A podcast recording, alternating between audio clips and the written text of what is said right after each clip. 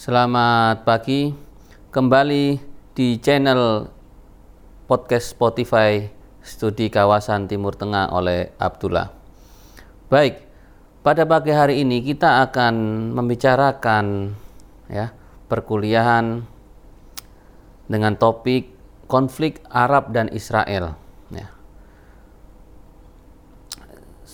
Kita sudah ketahui bahwasanya hari ini kawasan Timur Tengah itu tidak bisa kita lepaskan dari apa yang namanya konflik Arab dan Israel, ya. yang di dalamnya juga ada Palestina dan Israel. Nah, lalu seperti apa sih sejarah konflik terjadinya di dunia Arab ini dengan Israel, sehingga nantinya kita diharapkan bisa memahami secara komprehensif bahwasanya konflik ini disebabkan oleh faktor A, B, C dan uh, bagaimana proses-proses perdamaian yang telah dilakukan hingga sebenarnya bagaimana nanti pandangan Israel terhadap uh, konflik ini. Baik, yang pertama, konflik antara Arab dan Israel itu secara historis itu dimulai ketika negara Israel berdiri. Ya, jadi keberadaan Israel itu menjadi pemicu adanya konflik. Karena apa? Tentu Israel sebagai tamu yang tak diundang tiba-tiba mendeklarasikan sebagai sebuah negara di wilayah Palestina. Ya. Nah, yang menjadi permasalahan adalah bagaimana Israel ini bisa mendirikan negara, ya. Sedangkan Palestina yang telah lebih dulu berdiam di sana tidak dapat mendirikan negara.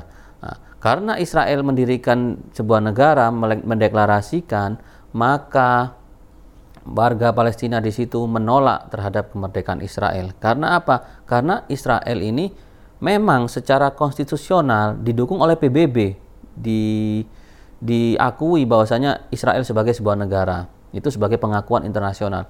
Tetapi secara secara etika, secara hak-hak kemerdekaan tentu di situ ada eh, hak-hak uh, Palestina yang dirampas oleh Israel ya.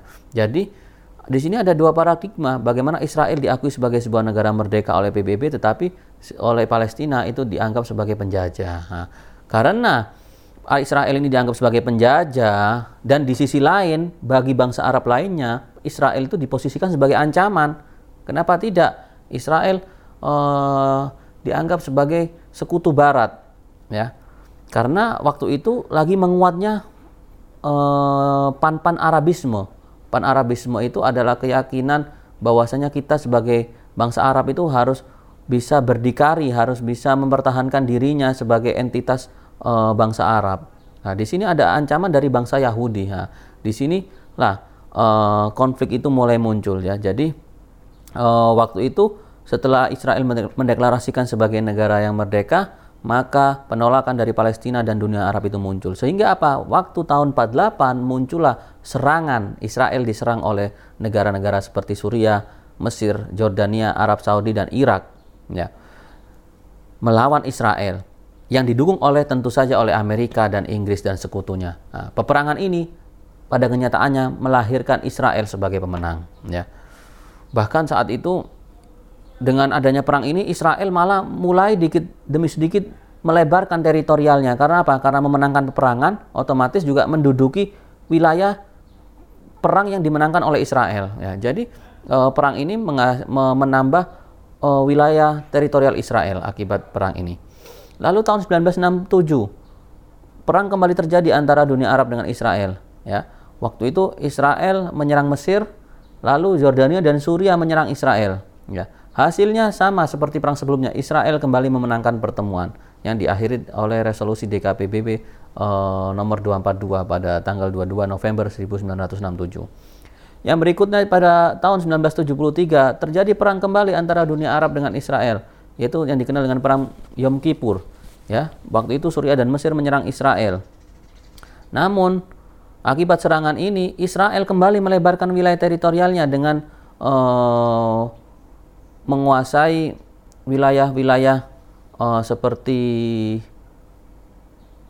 seperti Sinai ya, seperti Sinai di Mesir. Ya. Uh, tiga konflik itu merupakan potret bagaimana konflik antara dunia Arab dan Israel itu terjadi. Ya. Namun pada tahun 79 itu diadakan konferensi Camp David ya yang itu menandakan adanya perdamaian antara Mesir dengan Israel. Nah, sejak saat itu dun, posisi dunia Arab berubah perlahan-lahan yang tadinya bermusuhan dengan Israel maka berbalik 360 derajat menjadi mulai lunak terhadap Israel. Nah, sehingga bisa dikatakan konflik dunia Arab dengan Israel itu uh, tidak berlanjut hingga sekarang karena saat itu sudah ada kesepakatan damai ya bahkan ya bahkan hari ini beberapa minggu yang lalu telah ada hubungan normalisasi hubungan antara uh, negara seperti Uni Emirat Arab Bahrain terhadap Israel mengikuti jejak Mesir dan Arab Saudi secara diam-diam sudah uh, melakukan hubungan perdagangan dan pengakuan kedaulatan antar masing-masing negara. Nah, artinya apa? Semakin kabur, uh, semakin kabur uh, kebijakan negara Arab terhadap Israel yang, tadinya ingin mengusir Israel dari wilayah Timur Tengah karena dianggap sebagai ancaman, tapi hari ini ancaman itu nampaknya sudah berubah menjadi uh, potensi kerjasama sehingga banyak negara-negara Arab yang melakukan normalisasi. Nah, namun uh, bagi kubu lainnya seperti kubu Palestina ya dan kubu-kubu pergerakan Islam pro Palestina konflik itu masih terjadi hingga saat ini karena apa Israel masih dianggap sebagai negara yang merampas uh, tanah Palestina dan juga Israel berbahaya bagi pro proses perdamaian di Timur Tengah karena ada anggapan jika masih ada Israel maka Timur Tengah tidak akan damai. Karena apa? Israel disinyalir dalam pendiriannya dan pendeklarasiannya sebagai sebuah negara itu memiliki cita-cita Israel Raya, yakni apa? Wilayahnya itu membentang luas hingga wilayah Mesopotamia. Seperti itu. Oke, baik.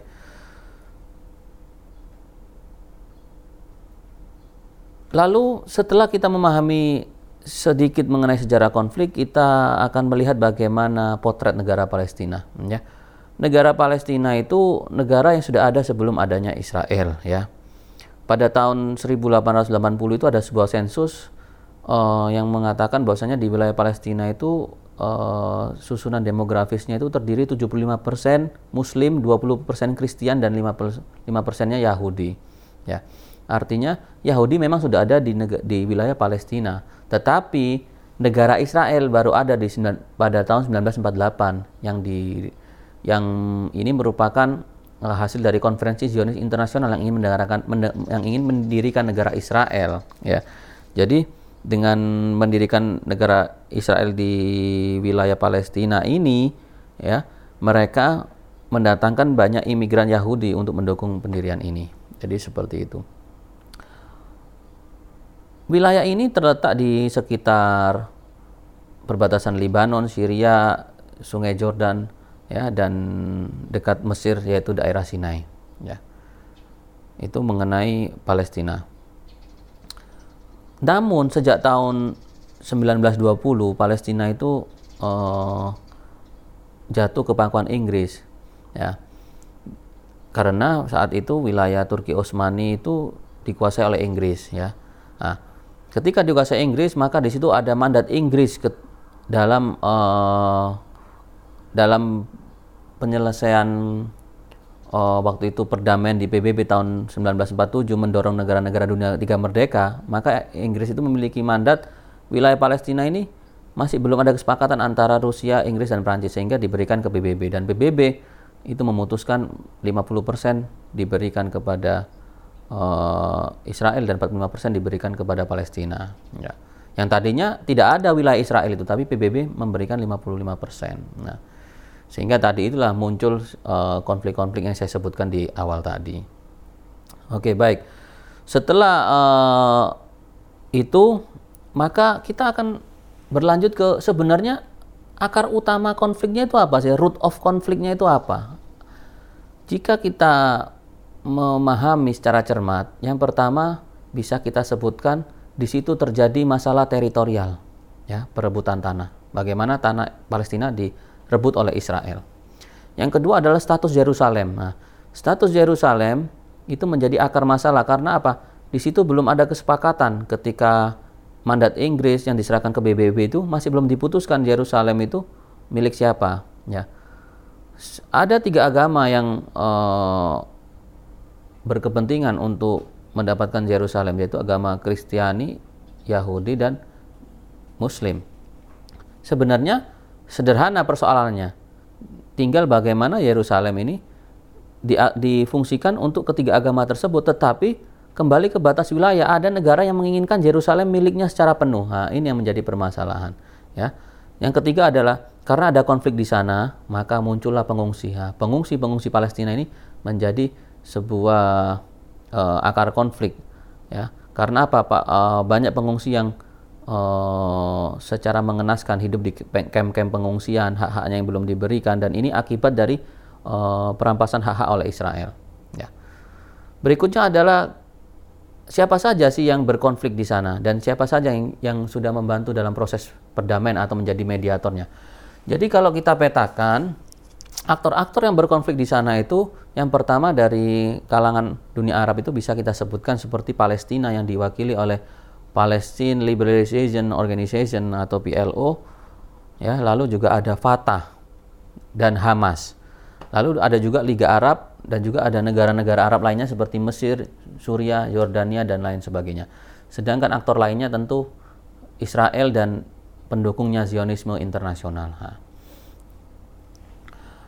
Lalu berikutnya adalah yang memediator selama ini adalah Amerika Serikat, Rusia, Uni Eropa, PBB, dan negara-negara lain mungkin seperti Iran di kawasan. Nah, pertama, eh, mengenai Fatah dan PLO. Fatah adalah uh, organisasi yang didirikan untuk memperjuangkan kemerdekaan Palestina. Fatah didirikan pada 1951 di Kairo, Mesir. Ya. Lalu pada tahun 1962 uh, eh, memilih Yasser Arafat sebagai pemimpinnya. Fatah uh, mendeklaras mendeklarasikan perang gerilya pada tahun 1964 dan uh, melaksanakan operasi gerilyanya, gerilyanya yang pertama pada tahun 1965. Yang kedua adalah PLO. PLO adalah sebuah organisasi kemerdekaan Palestina yang didirikan pada tahun 1964. Sedangkan Hamas didirikan pada eh, akhir-akhir uh, ya, lebih dulu Fatah dan PLO pada sekitar mungkin pada tahun 70-an atau 80-an Hamas baru didirikan. Nah, pendirian Hamas karena kecewa dengan apa yang dilakukan oleh Fatah dan PLO yang tidak mendapatkan progres signifikan dalam mencapai kemerdekaan Israel. Meskipun sebenarnya ada progres seperti uh, pengakuan PLO oleh PBB ya lalu juga adanya perundingan-perundingan antara uh, Israel dan Palestina yang dimediatori oleh Amerika Serikat. Tetapi banyak masyarakat Palestina itu yang kecewa sehingga ada eh, gerakan-gerakan uh, seperti Hamas ini yang menginginkan uh, suatu pergerakan lebih untuk mendapatkan kemerdekaan itu. Salah satu ideologi yang dipakai oleh Hamas bagaimana Israel ini harus di harus ditumpas karena Israel datang tanpa permisi dan merampas hak maka keberadaan Israel itu harus dilenyapkan sehingga Hamas termasuk gerakan organisasi gerakan di Mes, di Palestina yang menggunakan eh, cara-cara uh, koersif untuk melawan Israel tidak seperti Fatah dan PLO yang lebih banyak lewat perundingan diplomatik. Lalu di situ ada Liga Arab. Ya, Liga Arab yang terdiri dari Syria, Mesir, Jordan, Irak, Lebanon, Saudi Arabia dan ya dan Yaman merupakan uh, kekuatan yang diharapkan bisa untuk melawan Israel, ya. Tetapi pada akhirnya setelah tahun 79 setelah adanya Camp David Agreement itu kebanyakan dunia Arab sudah tidak pernah menunjukkan uh, rasa permusuhan yang besar seperti sebelumnya sebelum tahun 79, tetapi lebih banyak berbicara perdagangan atau diam terkait uh, uh, isu Palestina. Ya, hanya negara seperti Syria, ya Syria yang sampai hari ini masih uh, berdiri tegak melawan keberadaan Israel di Timur Tengah. Lalu juga ada uh, Israel di sisi lain. Nah, Israel berdiri karena adanya dorongan dari Zionisme internasional, ya Indonesia internasional ingin mencita-citakan sebuah negara Israel raya di wilayah Timur Tengah. Sehingga tentu uh, kebijakan ekspansif ini tentu bertentangan dengan nilai nilai-nilai perdamaian yang kita sepakati bersama bahwa kita sebab disepakati bahwa semua negara itu tidak boleh uh, meluaskan uh, wilayah teritorialnya dengan paksaan ya, tapi harus ada cara-cara yang kooperatif. Nah, tentunya apa yang dilakukan Zionisme internasional seperti yang kita pahami mulai tahun 48 hingga hari ini, Zionisme internasional mendukung Israel dalam melakukan pelebaran permukiman secara ilegal, mengambil wilayah-wilayah di perbatasan Libanon, Syria. Tentunya ini uh, menjadi uh, aksi yang dilakukan oleh Israel.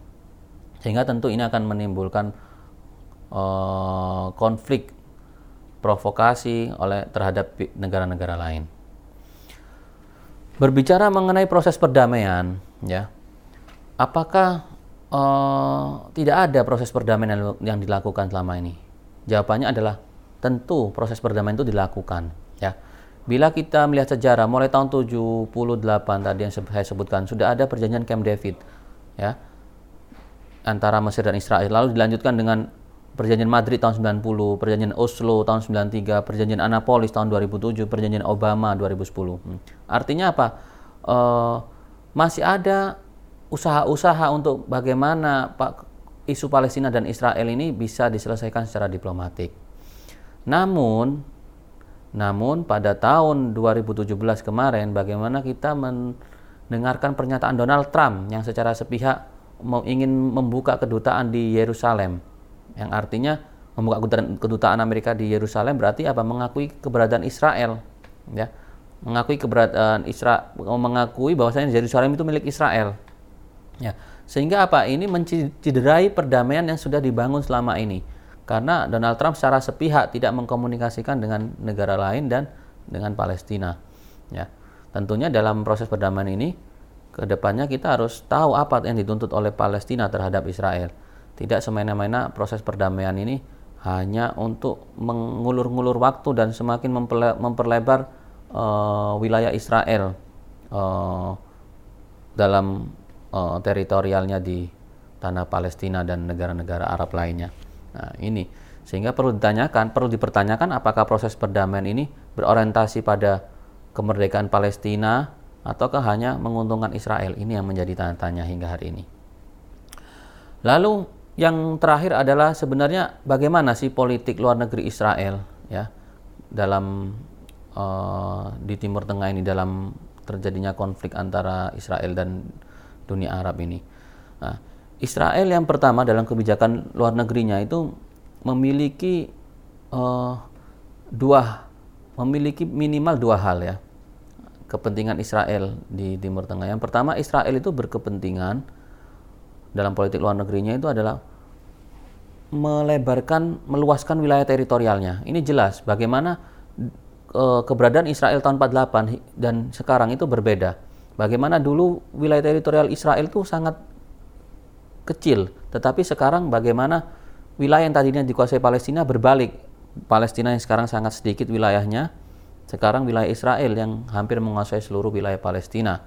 Ya, ditambah wilayah-wilayah Libanon dan Syria juga dicaplok oleh Israel. Yang berikutnya adalah kepentingan kedua Israel adalah bagaimana Israel mendorong terjadinya imigrasi kaum Yahudi internasional itu kembali ke tanah Israel. Nah, ini dilakukan. Ini terlihat bagaimana populasi Israel dari masa ke masa itu semakin meningkat ya. Yang tadinya hanya puluhan ribu, ratusan ribu, sekarang penduduk Israel uh, yang be, yang beretnis Yahudi mencapai jutaan ya, sekitar 4 juta ya. Nah, di sini bagaimana kebijakan uh, meningkatkan populasi Yahudi ini, Yahudi dan Zionis juga tentunya ini menjadi fokus dalam kebijakan luar negeri Israel. Yang ketiga adalah bagaimana dalam politik luar negerinya Israel selalu uh, mencari pengakuan internasional, ya. Pengakuan internasional ini menjadi penting bagi uh, kelangsungan sebuah negara. Semakin banyak yang mengakui keberadaan negara tersebut, maka legitimasinya semakin tinggi. Nah, termasuk hari ini bagaimana negara-negara Arab dirayu oleh Israel dengan segala kompensasi, ya. Ya, bagaimana tadi negara seperti Uni Emirat Arab dan Bahrain sudah menyatakan Israel sebagai negara yang merdeka. Ya, menyusul Mesir dan Arab Saudi yang secara diam-diam sudah mendukung keberadaan Israel. Ya, sehingga dengan tiga kepentingan itulah eh, kebijakan Israel itu akan dilakukan. Ya, jadi ber, berpendirian pada tiga hal itu. Ya.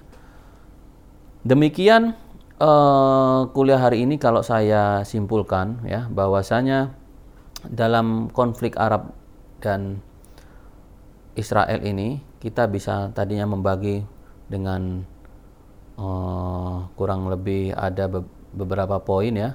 Yang pertama bagaimana sejarah konflik tadi itu uh, apa yang kedatangan Israel pada tahun 1948 dengan isu perampasan wilayah ya lalu juga hari ini melahirkan isu pengungsi, lalu juga ada aktor-aktor yang berkonflik antara Arab dan Israel. Lalu juga bagaimana proses perdamaian yang dilakukan dan bagaimana kebijakan luar negeri Israel dalam uh, melihat konflik ini. Ya. Itu yang bisa saya sampaikan mengenai materi perkuliahan mengenai konflik Arab dan Israel hari ini. Semoga bermanfaat dan meningkatkan pemahaman kita dalam memahami konflik Arab dan Israel. Sampai jumpa dalam perkuliahan selanjutnya. Terima kasih.